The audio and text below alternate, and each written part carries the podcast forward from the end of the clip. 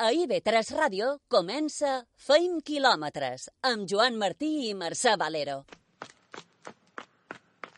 M'he xicat amb ganes de cercar la llibertat, de posar-me xandall i deixar d'estar aturat, agafar-se de velo i bugar al contravent, ser capaç de creure que pots el meu millor intent. Corre! Corre! Abans de renunciar, sempre hi ha una alternativa. Tornar-ho a intentar. Ernest Hemingway. People say that we're born with a purpose. And that we're meant to make our dreams come true. But if our dreams start to crumble, they can bury us. No renuncia mai Marga Fullana. Amb 46 anys s'ha proclamat aquesta setmana campiona del món per novena vegada i just ahir campiona d'Espanya de bicicleta de muntanya.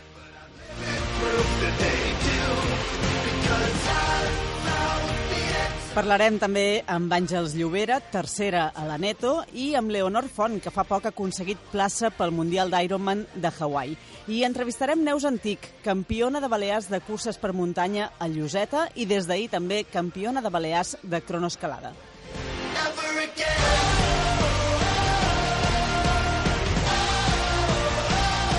Connectarem amb Vitali. Alejandro Forcades participa a les sèries mundials de Skyrunning, de curses per muntanya. De moment, ja n'ha disputades tres i amb molt bons resultats. La darrera, la Dolomites honestly thought Lucía Barca ens parlarà avui dels beneficis i els avantatges que ens pot aportar l'entrenament en l'aigua de la mà.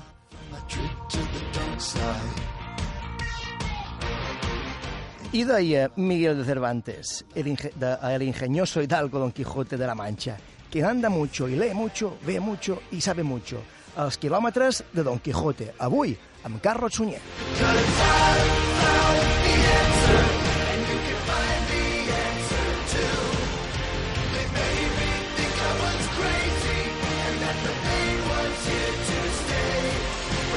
Som Mercè Valero, Ivan López del control tècnic i qui us parla, un servidor, Joan Martí.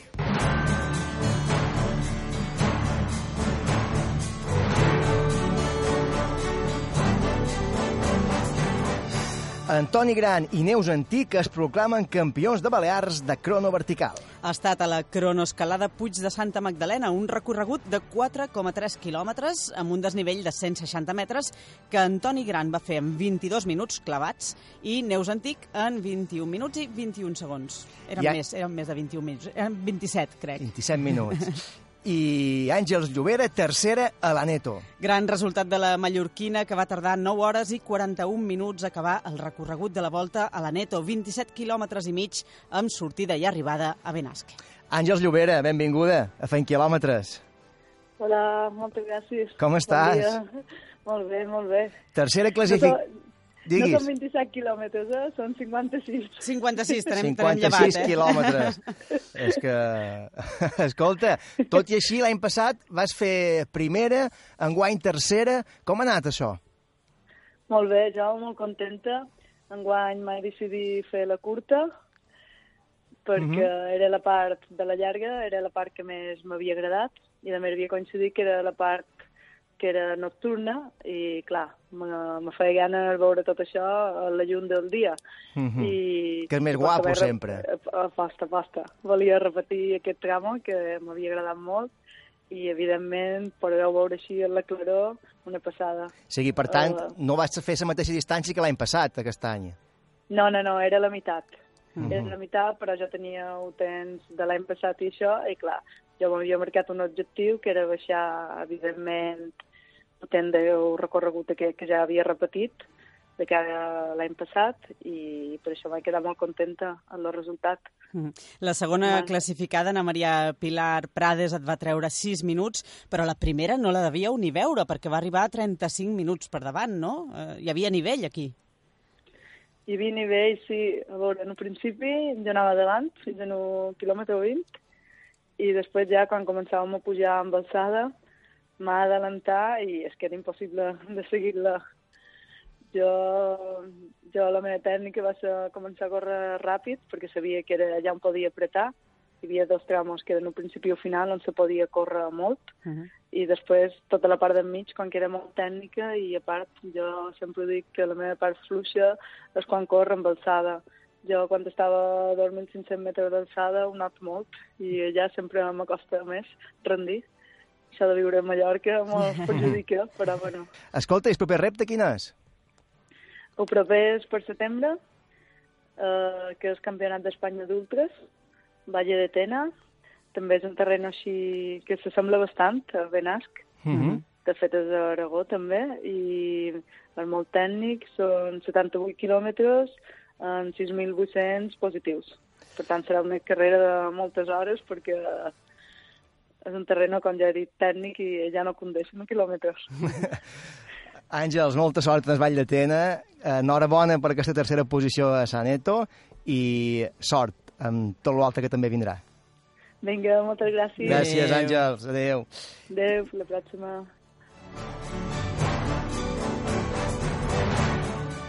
I Marga Fullana, campiona d'Espanya de bicicleta de muntanya Màster 40. Això ha estat aquest cap de setmana, pocs dies després de proclamar-se per novena vegada també campiona del món de bicicleta de muntanya.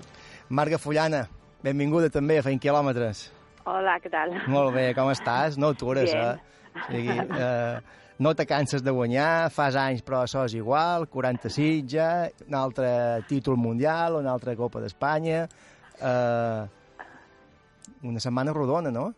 Sí, no? Ha, ha estat una setmana bastant completa, començant per, per diumenge el duel i abans pel Campionat d'Espanya. Jo crec que ha estat una setmana, pues, els resultats ha, han sortit i contenta, contenta. Dimarts passat a Andorra, Vall Nord, eh, te vas proclamar campiona del món, per una bona vegada, com dèiem, en aquesta ocasió, en categoria Màster 45, eh, va ser difícil. Com, com va anar aquesta carrera?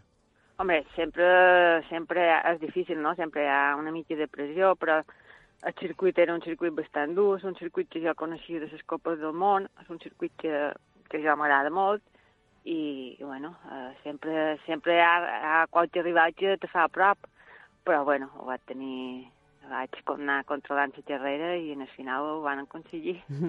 I després, campiona d'Espanya a Moral Zarzal, a Madrid. Quina de les dues proves et va costar més? Quina va ser més dura? No sé si arrossegaves el cansament ara al campionat d'Espanya de, del Mundial. Mm, No, va ser al revés. Eh, El Mundial va ser pitjor perquè venia del Campionat d'Espanya de duel 2 des diumenge Ah, clar. i el Campionat del Món pues, este, només tenia un dia de recuperació que era el dilluns, el dimarts ja teníem el Mundial i el dimarts estava, estava fet de pols. Clar, en una setmana has fet el campionat del món, El eh, primer el Campionat d'Espanya de duel 2 que eren diumenge, uh -huh, el Mundial que eren dimarts, exactament, el Team Relay per equipos que era divendres i el diumenge el meu individual. Déu-n'hi-do. Ostres, Marga, i, i ara, ara faràs un poc de vacances, descansaràs un poc o ja en prepares una altra? Home, ara aquesta setmana m'han dit descanso. Sí, no? Va, vaja, mm, Et donen lliure. Sí, sí, ho intentarem. Marga, eh, ets un exemple que no atures, de ganes sempre de superar-te i de millorar. Moltes gràcies, campiona d'Espanya i del món de bicicleta de muntanya. Eh, com dèiem, molt pocs dies de diferència. Descansa un poquet ara. Vinga, gràcies. Vale, una abraçada. Igual, igualment. Adéu, Marga, adéu. adéu. adéu. I Alejandro Sánchez Palomero, quart a l'europeu d'Estònia, a la ciutat de Tartu. El salmantí, arrelat a Barcelona, ha quedat a les portes de poder conquerir la quarta medalla a un campionat d'Europa de triatló. Va quedar a 10 segons de la medalla de bronze, que va ser per al rus Kolmakov. La victòria va ser per al francès Hankin Kant, seguit de l'austríac Dreyer. Leonor Font, segona a Frankfurt, serà a l'Ironman de Hawaii. La triatleta catalana que viu a Mallorca i competeix amb l'equip Ferrer Hotels serà el prestigiós Mundial d'Ironman que es disputa a Hawaii. Leonor, Leonor Font, benvinguda també a Fent Quilòmetres. Moltes gràcies. Com estàs? Bé, molt bé. Fa poc parlàvem amb tu i, i ens explicaves d'aquesta il·lusió que et feia aconseguir plaça per al Mundial de Hawaii, a Kona. Quina sensació vas tenir quan vas veure a Frankfurt que aconseguies eh, aquest somni, l'eslot que en dèiem, Bé. per, eh, per anar a Hawaii? Al final, com molt bé dieu vosaltres, és un somni. Aleshores, el poder aconseguir-lo és, és el més increïble que et pot passar esportivament parlant a un triatleta de llarga distància i la veritat va ser va ser molt lluitat perquè fixa't tu que la tercera se'n va quedar 10 segons Uf. i fins a l'últim moment vam estar ja, aviam qui se l'enduia i bueno, mira, al final me'l vaig endur jo i és una passada, un somni complet. Ara el, mundi el Mundial d'Ironman serà dia tre- 13 d'octubre, crec, Mhm. així que, o sigui, d'estiu poc en faràs, eh? Res, res, m'he pres una setmana així de descans i de desconnexió i ja la setmana passada una altra vegada mans a la feina i ara d'aquí a tres mesos, una miqueta menys de tres mesos ja, un altre cop cap allà. I quin és l'objectiu a, a Hawaii? Podríem veure't al podi? Bueno, ja és molt complicat. Fixa que ja, bueno, al final és molt complicat. Tot això sí que hem passat per classificar-nos per estar allà, però ja les mi- millors rivals que puc trobar, clar, un campionat del món, home, un pòdio més complicat, però bueno, anirem a per ell, eh? també t'ho dic. Clar que sí. Escolta, ja, eh, perdona, a banda del Mundial, imaginam que durant l'estiu també et veurem competint per aquí, no?, en alguna prova? Sí, sí, aquí el bo a Mallorca és que es fan moltes curses de pobles i de més, també hi ha moltes travesses i aleshores, doncs, bueno, sempre hi ha les mítiques que m'agrada participar i la veritat és que sí per agafar una mica de xispa i disfrutar una mica de, de la illa. Molt bé, Leonor, Leonor Font, te seguim de prop. Enhorabona per aquesta... Per, aquest- eh, per, per haver guanyat a Frankfurt, per aquesta classificació cap al Mundial de, de, de Hawaii i te seguim de prop. Molt bé, moltes gràcies. Una abraçada. Adéu. Adéu, adéu. Adéu. I Maria Pellicer continua dominant amb autoritat la Lliga de Curses Populars d'estiu de Menorca. Pellicer du ple de victòries, 5 de 5, i la darrera va ser ahir diumenge a Es Castell, a les festes de Sant Jaume, i la cate- te- categoria elit masculina la domina Antonio Saavedra, que ahir també va guanyar a Es Castell. Lucas Mola i Mogen Moronell guanyen el Portitxol. Segona prova de la Lliga, Lliga de Quatlons Ciutat de Palma amb més d'un centenar de participants. Per cert que la tercera prova, que havia de ser diumenge que ve a Can Pastilla, s'ha cancel·lat. I Albert Gelabert i Carolina Uriarte, el més ràpids al Trisport de Portocolom. Campions d'aquesta prova que ha arribat a la desena edició enguany. Tenim xip? Tenim xip. Visca 20 quilòmetres!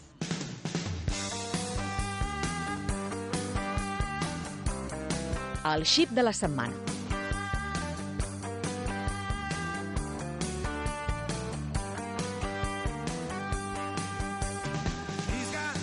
El xip de la setmana és el dorsal 2001, guanyadora de la cronoescalada al Puig de Santa Magdalena i, per tant, també campiona de Balears de crono. Prova puntuable també per la Copa Balear de Cronos i quilòmetre vertical, la qual també lidera aquest dorsal 2001 d'ahir. Neus Antic, benvinguda, fent quilòmetres. Hola, moltes gràcies, com va? Molt bé, i tu? Va bé, va qui, bé. Quin any més bo que dus, eh? El mes de març, campiona de Balears de curses per muntanya, després de guanyar la Lloseta Extreme. Ahir, campiona de cronoscolada amb un temps de 27 minuts i 21 segons. Ara ho deim bé, 27 minuts i 21 segons, que abans ho havien dit malament. Damunt una distància de 4,3 quilòmetres. Uh, te van bé les curses aquestes o, o els campionats aquests de només un dia, eh? Sí, la veritat és que no ho puc queixar, duc un any molt bo eh, respecte a resultats esportius i, i bueno, eh, ara toca disfrutar un poc més. Ahir era una distància curta, però en pendent, amb una bona pendent, 4,3 quilòmetres. Uh, com va ser aquest recorregut? Bé, el recorregut és molt divertit perquè és l'única cronoescalada que, que comença en baixada i, i bé, és aproximadament un quilòmetre de baixada i a partir d'aquest quilòmetre i de, comença eh, 700 en el puig de Santa Magdalena. Després eh, baixam cap a, cap a el torrent i ja després directament cap, a, cap al santuari. I com són les sensacions a una cursa de cronoescolada? Perquè, clar, sortiu un per un, mm, tu no saps exactament eh, com a, quina dist... o, o ja ho sabies quina crono havia fet na, na Teneri, que va ser la segona. Mm, No, no, no coneixia, no coneixia el temps i sí que és vera que les sortides eh, regulades cada 30 segons eh, bueno, és un poc eh, agobiant, però sí que és vera que te permet, en el moment que estàs corrent, eh, centrar-te en tu mateixa, fora tenir en compte posició ni res més que, que el que estàs fent en aquell moment. Mm. I això, pues, en certa manera, te dona un, més possibilitat de disfrutar, fora estar pensant en res més. I a la vegada també una incògnita, però, perquè si és una cursa on aneu totes juntes, tu saps quina, en quina posició vas, però d'aquesta manera no saps a lo millor si dus un bon ritme o, o no dus un bon ritme, en comparació a el que hagin pogut fer les altres. Sí, és un poc... tens un poc d'incertesa, però jo sempre he pensat que Bé, jo sempre intento anar a tope, o el que me donen les cames Sí, cap, sí, ho sabem, ho sabem, guai, guai. és el més difícil. Però sempre penso que l'important és estar satisfet amb, amb el que un fa i si tu trobes que no podries haver arribat ni un segon abans, és igual el que hagin fet la resta. Com dèiem, primera classificada, classificada seguida de Nathaniel Tour, que va, que va superar per 4 segons, o sigui, Sí, molt justet. molt justet. Ho va fer molt, molt bé. Sou totes dues de Palma Runners i després en Masamú, que, que va quedar tercera. Uh, això no, molt ajustada, aquesta crono. Sí, sí, sí, eh, s'apareixen més en els resultats de, de, de, de lots, ells normalment entren superajustats per segons, lo normal. Sempre hi ha alguna excepció, però, bueno, així fa que sigui un poc més interessant. Escolta, el nivell cada vegada pot ser que s'hi estigui igualant més? Sí, jo això trobo que és una cosa superpositiva, no hi ha tanta diferència entre les primeres posicions i, per exemple, les, les, les devenes entre lotes, i trobo que, que sí, sí, sí, s'està igualant i fa que sigui molt bé, molt millor competir així. Que sigui més competitiu i que, per tant, Sí. també us motiveu, us motiveu més, no? Dia sí, quatre- és bo veure-ho. Dia 4 d'agost hi ha també la pujada al barranc de Vinyaraig, eh, que en aquest cas serà campionat de Balears per equips i puntuable també per la Copa Balear de Cronos. Eh, imagino que te, que t'hi veurem, perquè, com dèiem, vas líder també de la de la Copa Balear de Cronos. Sí, ara hauria de, de participar a les dues, a les dues proves que queden per poder completar la copa i, i sí, supos que hi serem per, per, per resultats de copa i per el club. Clar, eh, com que el campionat de Balears de clubs, Nathaniel i Tour, i tu supos que correreu juntes a veure si... si, si, si, A veure si entre tot a sumar... Hombre, primera i segona, prim, prim, primera i segona, aquest cap de setmana a Santa Magdalena, eh, supos que l'entrenador voldrà que, que aneu a donar Sí. guerra. Sí, bueno, intentarem, intentarem això, sumar per el club i entre tots, eh, menys que surt. A veure què surt. Enhorabona, Neus, per aquest any, que és un any sensacional eh, a Moltes nivell esportiu. Eh, com deien, campiona de Balears de, de curses per muntanya i lloseta, i just ahir, campiona de Copa de Balears també de, de cronos. Enhorabona. Gràcies per tot. Adéu, Neus, una abraçada. Adéu, bon dia. Adéu. I nosaltres passam ara a la consulta de la fisioterapeuta, de Lucía Barca.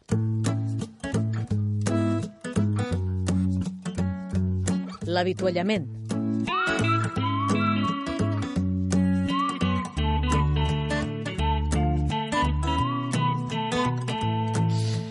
Obrim consulta, tenim ja Lucía Barca, fisioterapeuta, infermera esportiva i coach nutricional de Menorca Trainers. Benvinguda, Lucía, a Feint Quilòmetres. Hola, hola, ¿cómo estáis? Molt bé. Escolta, avançàvem la setmana passada que avui parlaríem dels beneficis i avantatges que ens pot aportar l'entrenament eh, en aigua de la mà. Va? Mhm. Primer, eh, en general, quins beneficis aporta l'aigua de la mà a l'hora d'entrenar? El entrenar en agua de mar es, como decías, muy beneficioso porque nos ayuda a mejorar la técnica, la potencia, la forma física. Además, trabajar en agua ayuda a reducir lesiones, es muy importante, ayudando a activar grupos musculares que no solemos activar con nuestros entrenamientos habituales. Y además, ahora con el calor que hace es muy beneficioso también porque a veces no sabemos mm, debido a este calor a qué hora salir. Decimos, bueno, y si suplimos nuestro entrenamiento de hoy por un poco de entrenamiento en el agua, nos encontraremos mucho mejor, la sensación es mucho más buena y nos animará a no perder nuestro hábito de, entrenamiento. Mm. Podries explicar-nos mm, quatre exercicis per de la mà? Sí, claro. ¿Habéis entrenado alguna vez en el agua de mar vosotros?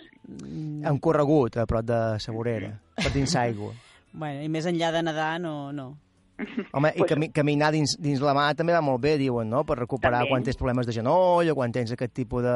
de... Ah, mira, ara que ho dius, em vaig trencar el braç fa anys i sí que em van fer fer exercicis dins l'aigua de piscina. Va fenomenal. Para cuando hay fracturas y demás, lo recomendamos muchísimo.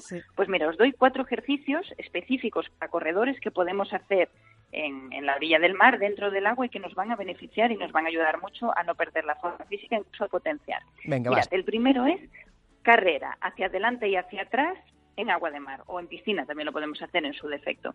Simplemente nos, posicion- nos posicionamos fuera del agua, en la arena, en la orilla, buscamos una zona con desnivel progresivo e iremos corriendo hasta que el agua nos cubra a la altura de los hombros. En ese momento volveremos corriendo hacia atrás.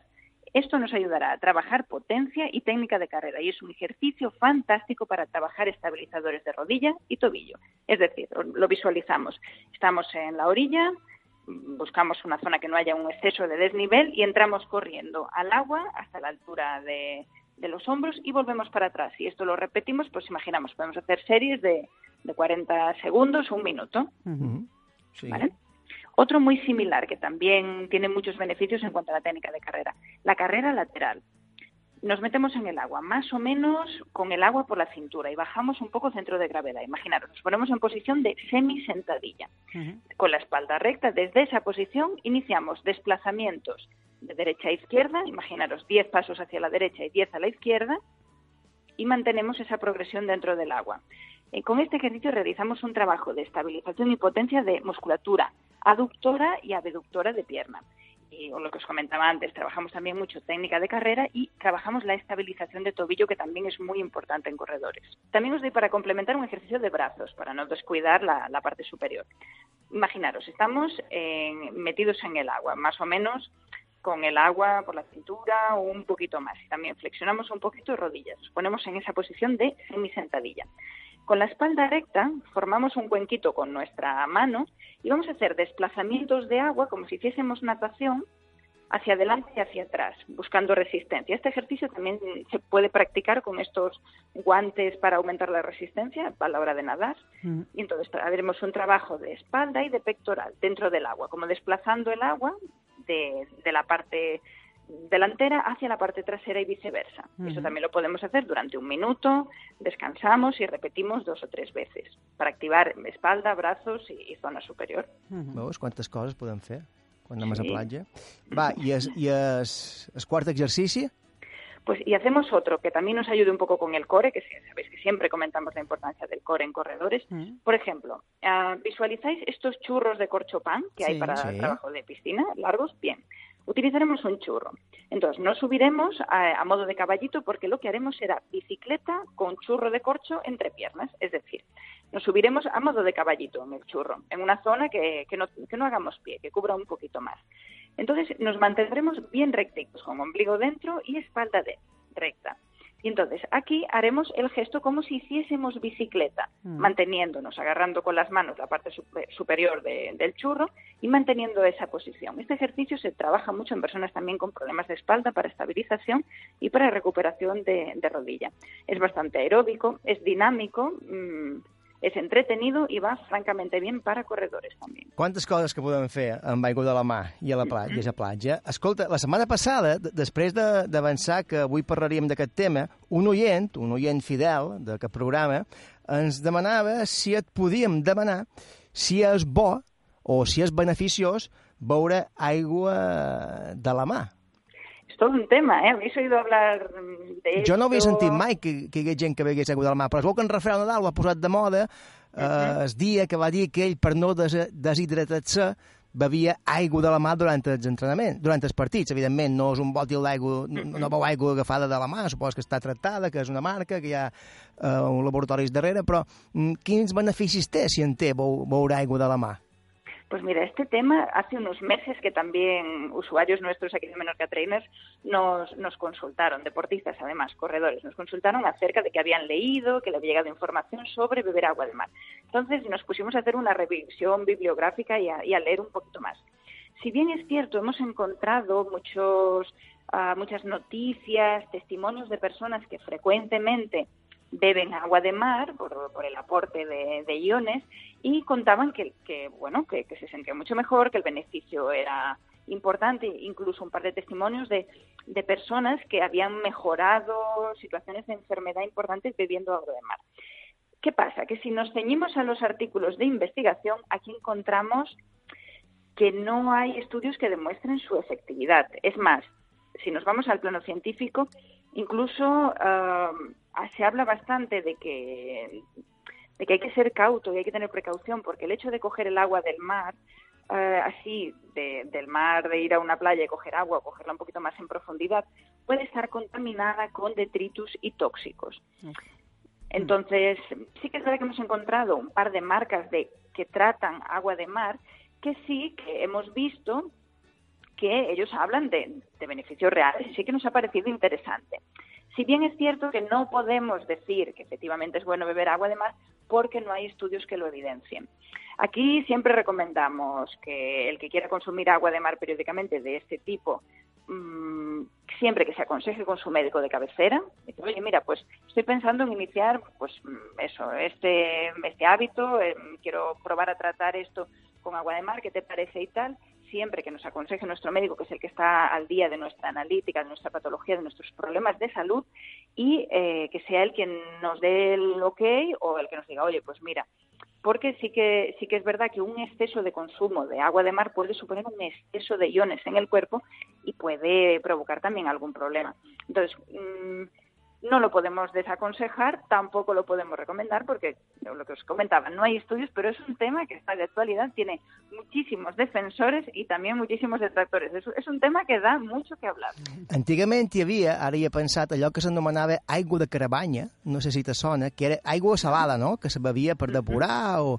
Avui en dia això no, no es veu ja, però és bo que es torna, es torna a recuperar. El que quiere iniciarse porque le apetece, porque ve que puede ser beneficioso y demás, siempre aconsejándonos con nuestro médico de, de cabecera a ver si nuestro estado de salud lo, lo, permite y si no tenemos ningún problema, pues posiblemente no, no sea malo consumir periódicamente y si es un agua de mar tratada y demás que sepamos que no lleva detritus, puede que sea beneficioso. Ya os digo que no nos podemos aventurar porque no hay estudios que así lo evidencien, pero siempre con estas cosas, precaución y si luego alguien ya lo está haciendo y le va bien, pues estupendo y, y el que no lo quiera ni oír hablar ni probar, pues, pues tampoco. I tant, clar que sí. I la setmana que ve, eh, de què xerram? Pues hace mucho calor, ¿verdad? Casi Sí. que apetece que hablemos de, de helados, pero ¿qué os parece si damos una visión un poco más saludable? Y os traigo unas recetas ricas, fáciles, para hacer ahora en verano y poder Fantàstic, merendar un par de bolas de helado sin, sin Fantàstic, complejos. molt bé, molt bé. La setmana que ve, eh, receptes d'estiu. Gelat natural, sa i, i sense conservants. O bé, no ho sé, amb conservants, no, no sé si és... però, o amb additius. Uh, molt bé. Gelat fet a casa la setmana que ve. Claro que sí, me voy a por el gorro de cocina y voy a preparar ya las recetitas. Fantàstic. Moltes gràcies, Lucía, fisioterapeuta, infermera esportiva i coach nutricional de Malca Trainers. La setmana que ve més. Muy bien, un abrazo grande a todos. Adéu. Hasta luego. Ara fem una aturada i tornem tot d'una. Zona d'avituallament. Tot d'una continua, feim quilòmetres. L'entrevista.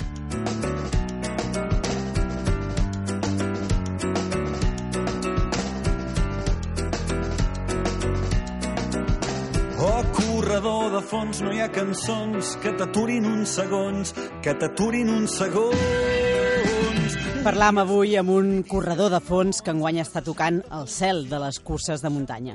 Participa a les sèries mundials de skyrunning, de curses per muntanya. De moment ja n'ha disputades tres i amb molt bons resultats. Alejandro Forcades, benvingut a Feint Quilòmetres. Bon dia, bon dia. Què tal? I crec que t'enganxam a Itàlia encara, no? Sí, sí, he de tornar, avui, avui tornaré cap a Per- Mallorca. T'enganxam Sí, perquè la darrera, la darrera de les proves ha estat a Dolomites. Molt content, molt content, molt content.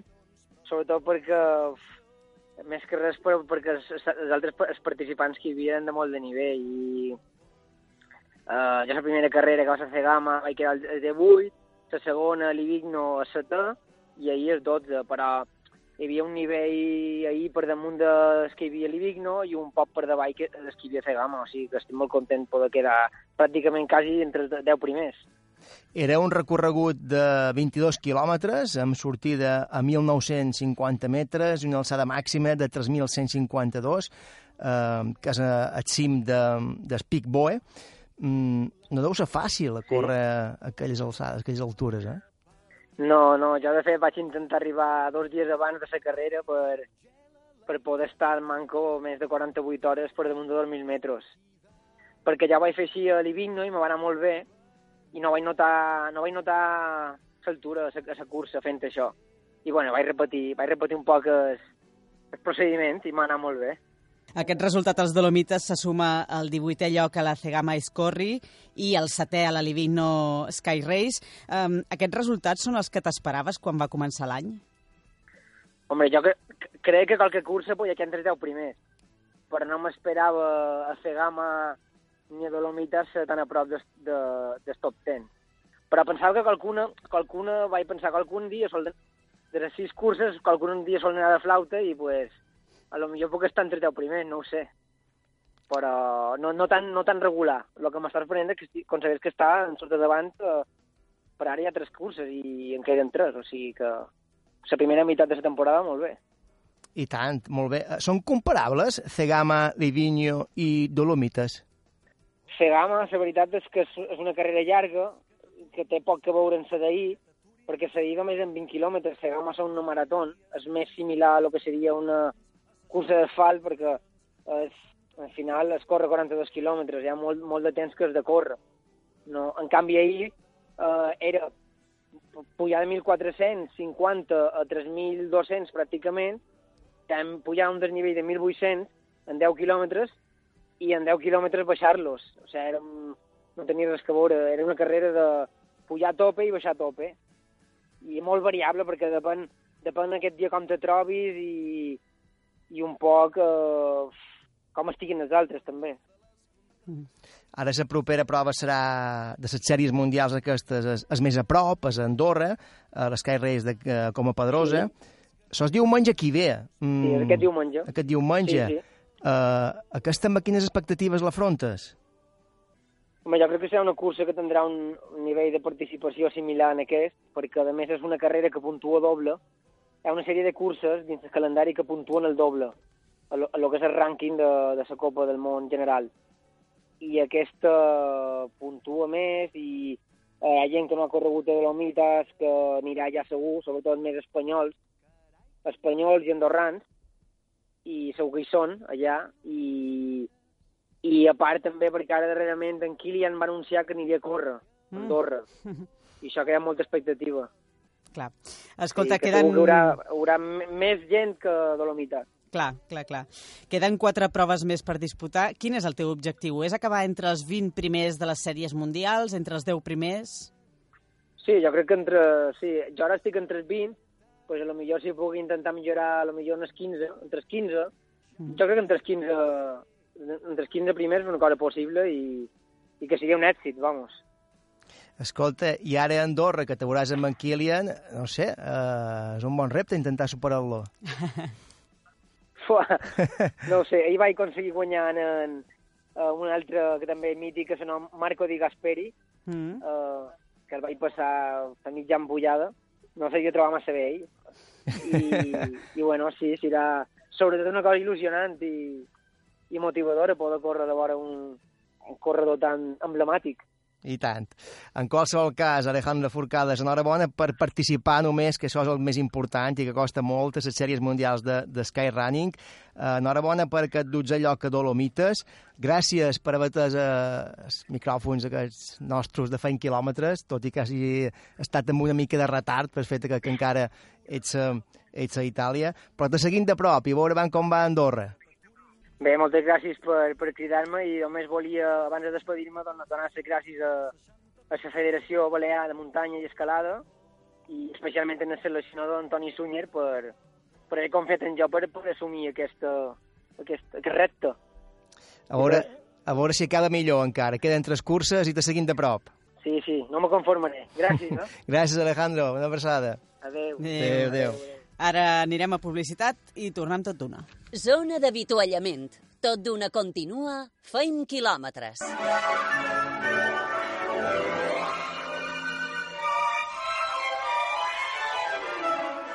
Correm i llegim.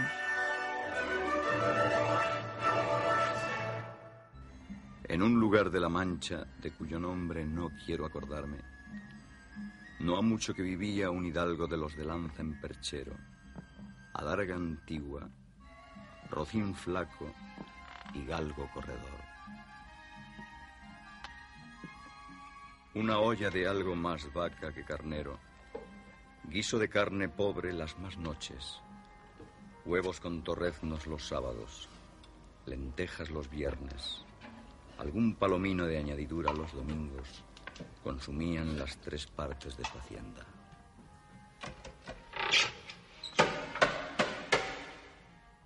Prisaba la edad de nuestro hidalgo con los 50 años, y los ratos que estaba ocioso se daba en leer libros de caballería con tanta afición y gusto que olvidó casi de todo punto el ejercicio de la caza y aún la administración de su hacienda. Si algun llibre hi ha al món reconegut pel seu fragment inicial, és aquest. Parlam avui d'una novel·la sobre la qual s'ha escrit tant com tant queda encara per escriure, segurament. Parlam avui de El ingenioso Hidalgo Don Quijote de la Mancha, novel·la de novel·les escrita per Miguel de Cervantes i publicada, la primera part, a principis del 1605.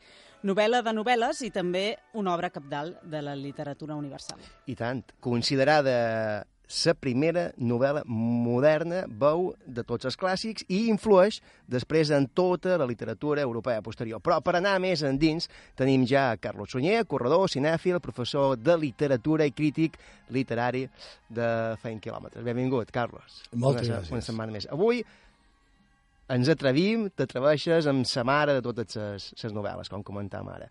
Una obra que eh, el fet de fer quilòmetres en aquesta novel·la es, esdevé un valor de primer ordre, també.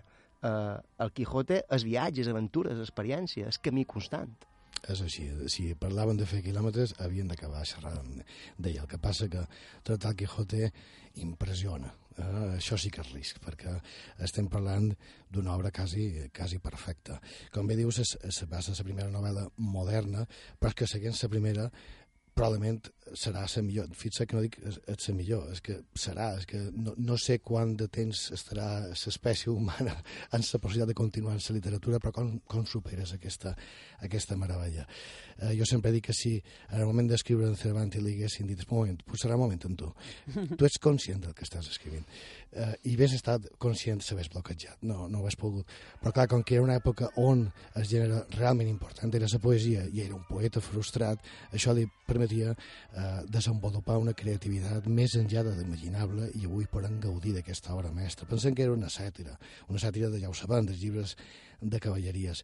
I, com bé dius, aquesta, aquest fet de que hi hagi moviment, de que hi hagi viatge, un viatge, a més, imprecís, perquè hi ha com una, una doble dimensió, que és el que està passant i que és el que ell està eh, imaginant o creient que està passant. Per tant, són eh, dues realitats que a vegades es giren, a vegades en, en Sancho s'aprofita i li fa veure coses que no és, és a dir, mai sabem què és el que passarà.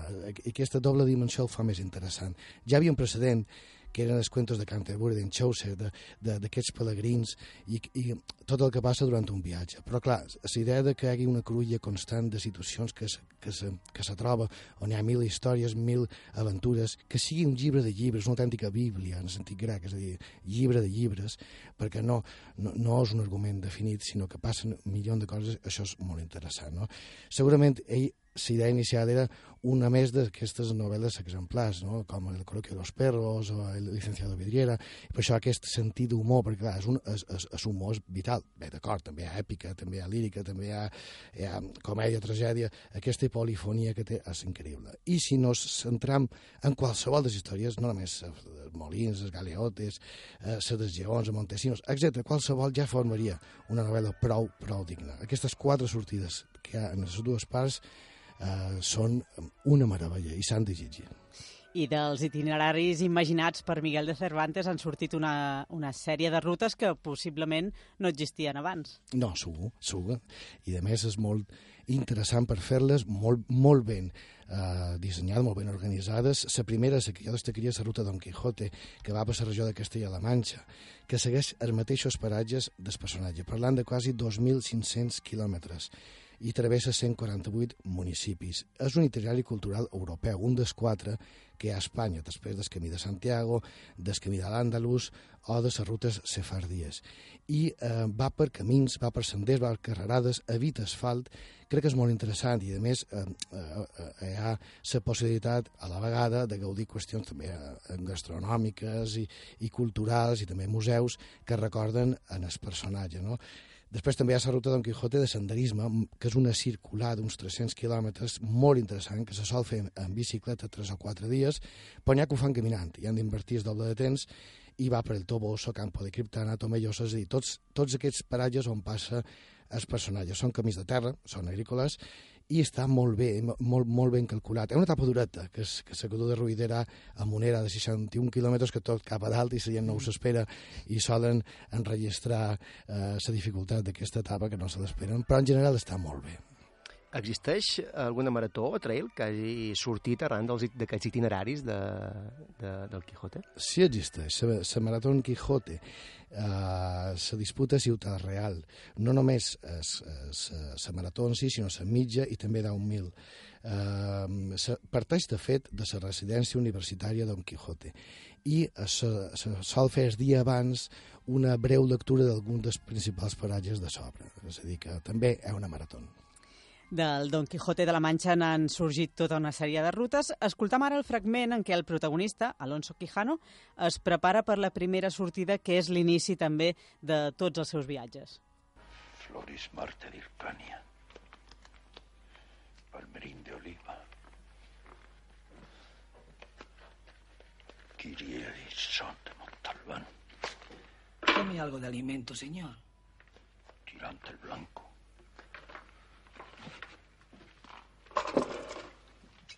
Qué no salís a que os dé un poco de aire? Harto aire ha de darme cuando llegue a los campos de Montiel y vaya deshaciendo agravios y poniéndome en ocasiones de peligro donde cobraré eterno nombre y fama. Y si Amadís añadió a su nombre el de su patria, así también voy a hacerlo yo. ¿De qué nombre habla? Pues ¿cuál va a ser, mujer? El que pienso llevar de ahora en adelante. El mío. El de Don Quijote de la Mancha. Bé, aquí ja, ja està ben decidit, sortir a fer quilòmetres amb, pel món amb l'objectiu de desfacer en tuertos, no? Agravios, diuen en aquesta, sí. en aquesta versió. Ara, ratllant a l'atura, eh, Alonso Quijano. Ja està preparat i, i nosaltres amb ell, i amb ganes de sortir, de més, que, que no el turin, per favor. Uh, a més, fins segur que fa una revisió dels llibres de cavalleries, després en Cervantes aprofita i salvarà alguns del foc, no? però tots els altres acaben al foc. Uh, I aquesta, aquesta idea de, de partir, d'anar cap a l'aventura, una aventura imprecisa, perquè ja veiem que estem parlant d'una persona eh, suposadament desequilibrada, perquè podríem entrar a analitzar molt també si, si, si està tan tan fotut d'escap com no, perquè eh, si algú es fa es boig, és lliure, realment lliure, pot fer el que vulgui, no? Per això si hi ha anàlisis paral·lels. I es fet de partir eh, i, i, viatjar, fins, si em permetreu, treure tres cites de, de, de, de Quijote que van molt bé eh, cap a aquest programa. Una, que surt en, el llibre, que diu el que lee mucho y anda mucho, ve mucho y sabe mucho. És ben vera. I el andar tierras y comunicar con diversas gentes hacia los hombres discretos i la darrera, andar mucho aviva l'ingenio de los hombres. Tot això ja era en els personatges del Quijote van de partir, perquè en Cervantes ho té molt clar. Escoltam ara un segon paràgraf en què queda marcat el paper que representen els dos personatges. Don Quijote, la fantasia i la imaginació, i Sancho, el seu escuder, la realitat.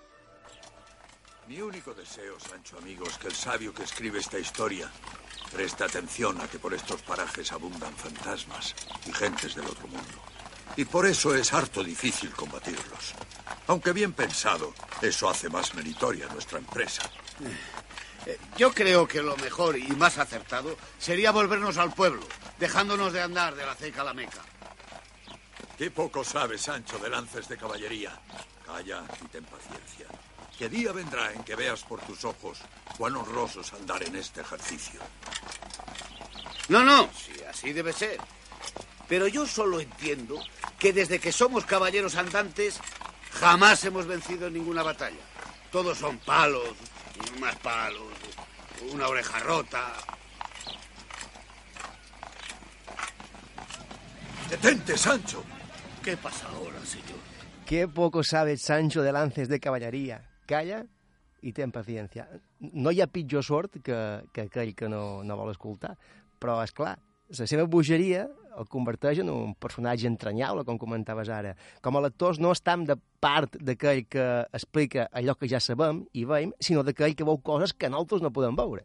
Clar, perquè aquí s'obre una finestra, una finestra fascinant cap a la imaginació, cap a la il·lusió, cap al somni que tots ens agrada tenir, mm, malgrat eh, necessitant viure la realitat. I això és el que té de fascinant, no? perquè eh, el que veu en Sancho eh, eh, no seria motiu de ni una sola pàgina, però el que creu veure, veu o transmet eh, a, a seu amo eh, converteix allò que veu en Sancho en, en un món meravellós, malgrat sigui dramàtic o tràgic o, o que pugui dur problemes. Però, clar, el, el que fa gran això és la combinació de tots dos. És a dir, Quijote tot sol no ens arribaria a cansar, perquè, clar, eh, entraríem a la seva espiral de bogeria i això eh, arribaria a ser espai, arribaria a ser, necessitaríem aire. Però la combinació dels dos és el que fa magistral eh, i equilibra eh, totes les possibilitats mentals i també de, de, de, de vitals que tots tenim de dins. Escoltàvem eh, al principi el fragment inicial de la primera part del llibre, no? en el lugar de la Manxa, de cuyo nombre no quiero acordarme. Locució que pertany a la versió cinematogràfica de Manuel Gutiérrez d'Aragón, amb guió de Camilo José Cela. És per tu aquesta la millor versió que s'ha fet eh, audiovisual del Quijote? Jo crec que sí. Sí, sí, i mira que és dificilíssim fer una versió, però aquesta ha fet com una minissèrie, eh, clar, mira qui, mira qui escriu eh, el guió en Cela i més ho va fer molt bé, eh, es, està ben dirigida i tenim en Fernando Rey, que, que és molt bon actor, eh, i, eh, i Alfredo Landa, és a dir, que eh, estan molt, molt ben elegits els, els, els, els actors i crec que està ben rodat i que agafa l'essència, que el que han d'intentar és agafar l'essència, no poden mai eh, dur a la pantalla el Quijote, però l'essència, l'atmosfera sí que es pot, es pot fer i crec que és la vegada que s'ha aconseguit més eh? jo, jo considero que està, que està ben treballat. Sempre hi ha hagut aquesta obsessió de fer-ne un bon guió adaptat per al cinema. Aquest guió de Camilo José Cela és el més aconseguit, però fer la gran pel·lícula de El Quijote encara potser és una utopia. I també hi ha, llavors, un musical. Hear me now, oh thou bleak and unbearable world, thou art base and debauched as can be. And a knight with his banners all bravely unfurled now hurls down his gauntlet to thee. I am I, Don Quixote, the Lord of Mancha, my death... Un musical que s'han fet moltes versions després, eh, no? Sí, sí. A més, aquesta de música de Mitch Lake, que, que, que aquest se movia molt per Broadway, i aquest, mm, aquest musical, eh, com tu bé dius, amb variacions, va rodar moltíssim. Eh, de fet, va una versió cinematogràfica francesa, l'any 33, que es diu igual, i que va ser un molt, molt exitosa, però clar, si ara ho veiem en el cinema se salva poquet. No? Que aquest és, és el que després van dur en el teatre Paloma San Basilio i José Sacristán. Exactament, exactament, la mateixa. Um, però com bé comentau, sí, es pot fer musical i els musicals pot, eh, te pot apropar una mica el personatge i les seves obsessions, però girar una mica envolt entorn en, aquesta, en aquest perfil. Eh, ha hagut altres pel·lis de, de, de, de de la Mancha, de de la Mancha de l'any 47 en Rafael Gil, que és una successió d'escenes però sense un fons intel·lectual. I després ja parlaríem fins i tot pel·lícules amb encantinfles o els dibuixos animats que tots els que tenim una edat o, recordem. O una pel·lícula que hi ha ara en els cines de fa poc, que es diu Qui mató Don Quijote? Que, que... Efectivament, però això, eh, que... això és més interessant, perquè, perquè això és una obsessió eh, de qui sí realment ha intentat dur al cinema uh, el, personatge de Don Quixote. De fet, en Gilliam, Terry Gilliam, que és un ex membre de, de Monty Python, que sempre va ser un dels guionistes de les pel·lícules de Monty Python, eh, ell, ell, amb aquesta obsessió, no ha aturat fins a arribar a una pel·lícula que s'apropi una mica en el personatge. De fet, eh, té un documental que es diu Sobreviviendo a Don Quijote, de ses, de, dels anys que se va tirar, quasi 20 anys, intentant fer-ho. Podríem ratllar dies i dies de tot eh, que ha donat Miguel de Cervantes, eh, no només a la literatura universal, sinó a la cultura i, i al món en general. Eh, com a conclusió, Carlos, quin creus tu, com a crític cultural, cultural i literari de feint quilòmetres. Eh, quin és el gran llegat de- d'aquesta novel·la? m'has posat Eh? nerviós amb, amb aquesta introducció. Quin és? Jo crec que... Si, si, si n'hi ha un. N'hi ha, n'hi ha, n'hi ha, n'hi ha. És una obra universal. Sembla un tòpic, però és universal per valors liter literaris, però també és universal per valors humans. És a dir, va més enllà d'una cultura determinada. Uh, passa una mica als estrellars d'en Shakespeare. Si, si, se poden entendre perfectament des de qualsevol cultura. M'atreviria a dir que fins i tot una cultura indígena que no, han, no ha entrat mai en contacte amb, amb, amb, amb Occident o amb la civilització entenen perfectament Hamlet. És a dir, maten a ton pare i aquest tio se casa amb ta mare i se fa rei. Puh, ja està, ho entenc. Uh, dos bandos enfrontats i els dos enamorats de cada banda i s'estimen i, i no ho poden evitar. Ho entenc tot d'una. És dir, Arguments que podem són- veure en qualsevol en pel·lícula qual- avui en dia, en qualsevol llibre, en qualsevol Efectivament, novel·la. però són valors universals. Però és que, clar, és que el Quijote va més enllà d'una cultura i aquesta suma de- de- de- de- d'aprenentatges, de, de, conceptes, d'històries, es van tan a l'arrel de, de ser ser humà que això ho fa universal. És a dir, jo crec, crec que fins i tot el Quijote basta per entendre les motivacions humanes. Llegir només aquest llibre, que és molt difícil perquè necessites una trajectòria anterior, però llegir només aquest llibre és haver llegit milers i, i te fa lector expert i, i, i expert en literatura fins i tot no? Per tant el, el camí d'aquesta novel·la eh, hi trobar ta- tantes cruïlles constants i totes aporten sapiència però s'ha de voler llegir i sempre s'ha de llegir amb el rellotge aturat perquè si no eh, serà complicat Carlos Mercè, jo m'he quedat amb aquesta frase. Llegir el Quijote és haver llegit mil llibres. no tinc cap dubte d'això Moltes gràcies, Carlos. un plaer, com sempre El ingenioso hidalgo Don Quijote de la Mancha, novel·la escrita per Miguel de Cervantes, Saavedra, i publicada la seva primera part el 1605, amb una segona publicació, crec que va ser el 16- el 1615. No? Exacte. I per culpa de Navellaneda, que es va ficar al mig i ell va, se va emprenyar i va dir ara trauré la meva. I va fer la continuació. continuació. Des de llavors, sa primer, el primer gran bestseller, podem dir, de la literatura moderna. És així. Moltes gràcies, Carlos. La setmana que ve a la Cervella de Tormes.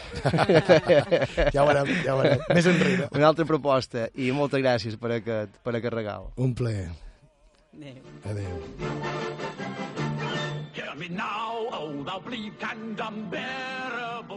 I fins aquí aquest programa d'avui. Quien lee mucho y anda mucho, sabe mucho y ve mucho. És ben cert, eh? Podríem dir que en el Quixot trobam també l'essència de, de feint quilòmetres. Sí, també estem un poc sonats. Eh? ho deia Miguel Cervantes, després també ho va escriure Antonio Machado, i així ho canta Joan Manuel Serrat. Adeu i fins la setmana que ve. He andado muchos caminos, he abierto muchas veredas, he navegado en cien mares y atracado en cien riberas.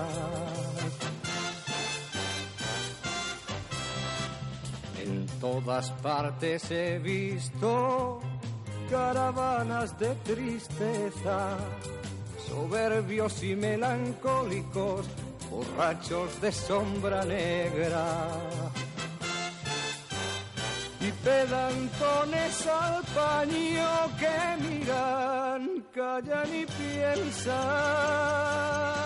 que saben por qué no beben el vino de las tabernas. Mala gente que camina y va pestando la tierra. Y en todas partes he visto gentes que danzan o juegan cuando pueden y laboran sus cuatro palmos de tierra. Nunca si llegan a un sitio preguntan a dónde llegan. Cuando caminan, cabalgan a lomos de mula vieja. Y no conocen la prisa ni aun en los días de fiesta. Donde hay vino, beben vino donde no hay vino agua fresca. Son buenas gentes que viven, laboran, pasan y sueñan y en un día como tantos descansan bajo la tierra.